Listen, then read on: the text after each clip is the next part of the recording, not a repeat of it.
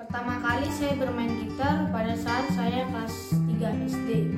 Di situ saya melihat ayah saya dan sepupu saya sedang bermain gitar. Saya mula-mula mencoba-coba dan akhirnya sudah cukup bisa.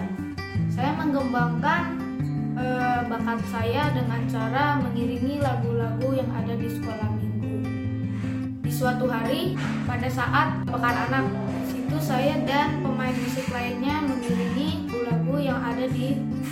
pekan anak itu. Di saat itu kaki saya cedera karena bermain bola. Tapi saya tetap semangat untuk memuliakan nama Tuhan. Setelah itu, saya pun mengembangkan dengan mengiringi lagu-lagu sekolah minggu dan lain-lain. Saya pun juga bisa membuka kunci-kunci yang baru. Demikian pengalaman saya yang